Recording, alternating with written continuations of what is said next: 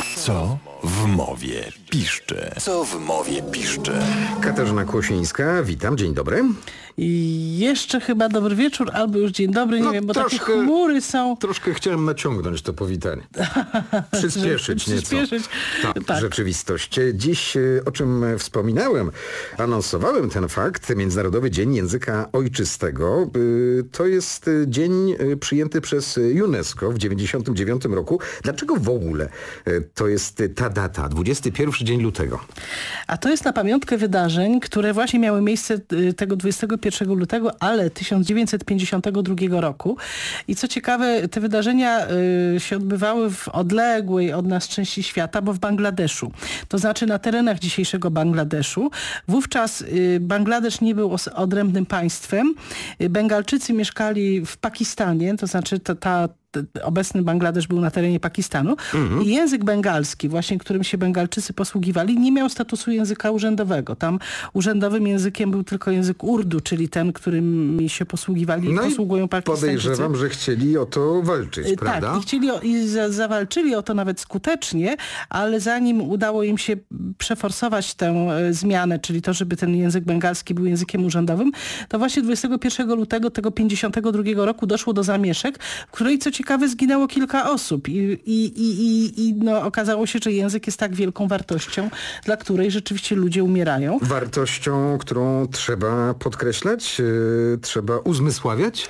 No to właśnie jest tak, że język jest, y, na szczęście nasz język nie jest zagrożony i też język polski jest cały czas językiem urzędowym w Polsce, ale y, ten dzień jest po to, to święto języka po to, żeby przypominać właśnie, że język jest takim bardzo ważnym elementem naszej tożsamości, naszej kultury e, i że on właściwie wyraża wszystko, co my chcemy, prawda, czyli nasze całe ja, naszą kulturę, a także jest tym, co spaja naród, co Polska, co dla Polaków było bardzo ważne przecież. Warto, warto pamiętać i przypomnieć, że polszczyzną posługuje się około 45 milionów e, osób na świecie. Tak, polszczyzną jako językiem o- ojczystym, prawda? Tak, Bo jeszcze tak, o- tak. oczywiście jest dużo.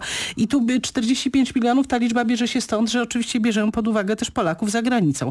Ale też trzeba pamiętać o tym, że mm, znowu jeżeli spojrzymy na Polskę jako e, na kraj, to tutaj językiem ojczystym dla Polaków nie są tylko, nie jest tylko język, znaczy dla osób, które mieszkają w Polsce, nie jest tylko język polski, bo na przykład mamy język niemiecki, białoruski, ukraiński, litewski, e, słowacki, czeski czy kaszubski, ale też na przykład łemkowski czy romski, y, to są języki ojczyste dla też obywateli polskich, prawda? więc to językiem, różne mogą być języki ojczyste.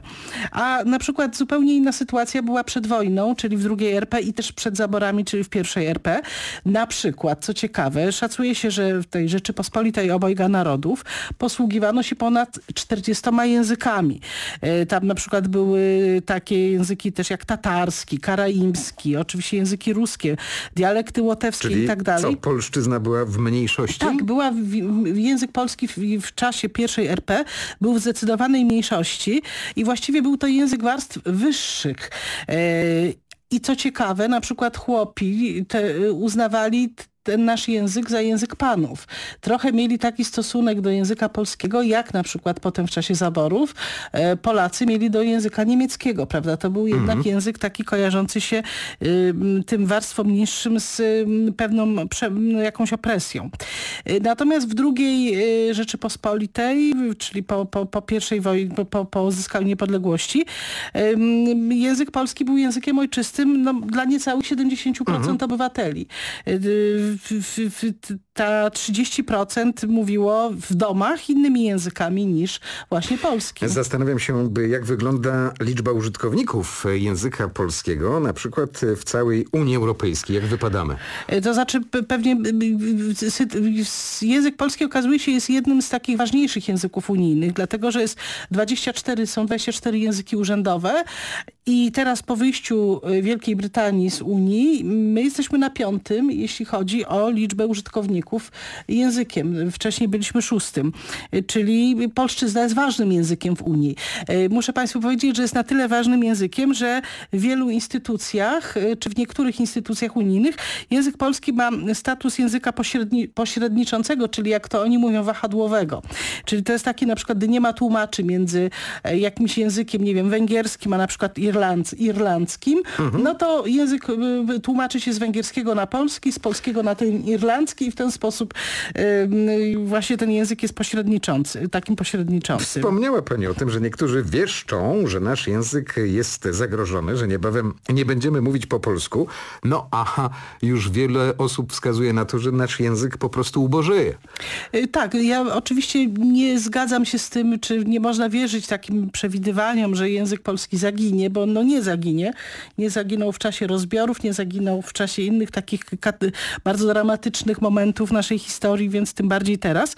Natomiast rzeczywiście y, no, coraz mniejszą staranność przykładamy y, do tej dbałości, czy w ogóle do języka. Coraz mniej staramy się o język i chyba to jest dobry moment, żeby przypomnieć, żeby jednak tak y, szczególnie w tym, nie tylko w tym dniu, kiedy język obchodzi swoje święto, tak dobrze się do niego odnosić. Bardzo pilnie natomiast y, słuchamy wykładów pani profesor i ta świadomość, o zresztą słychać, słyszy pani?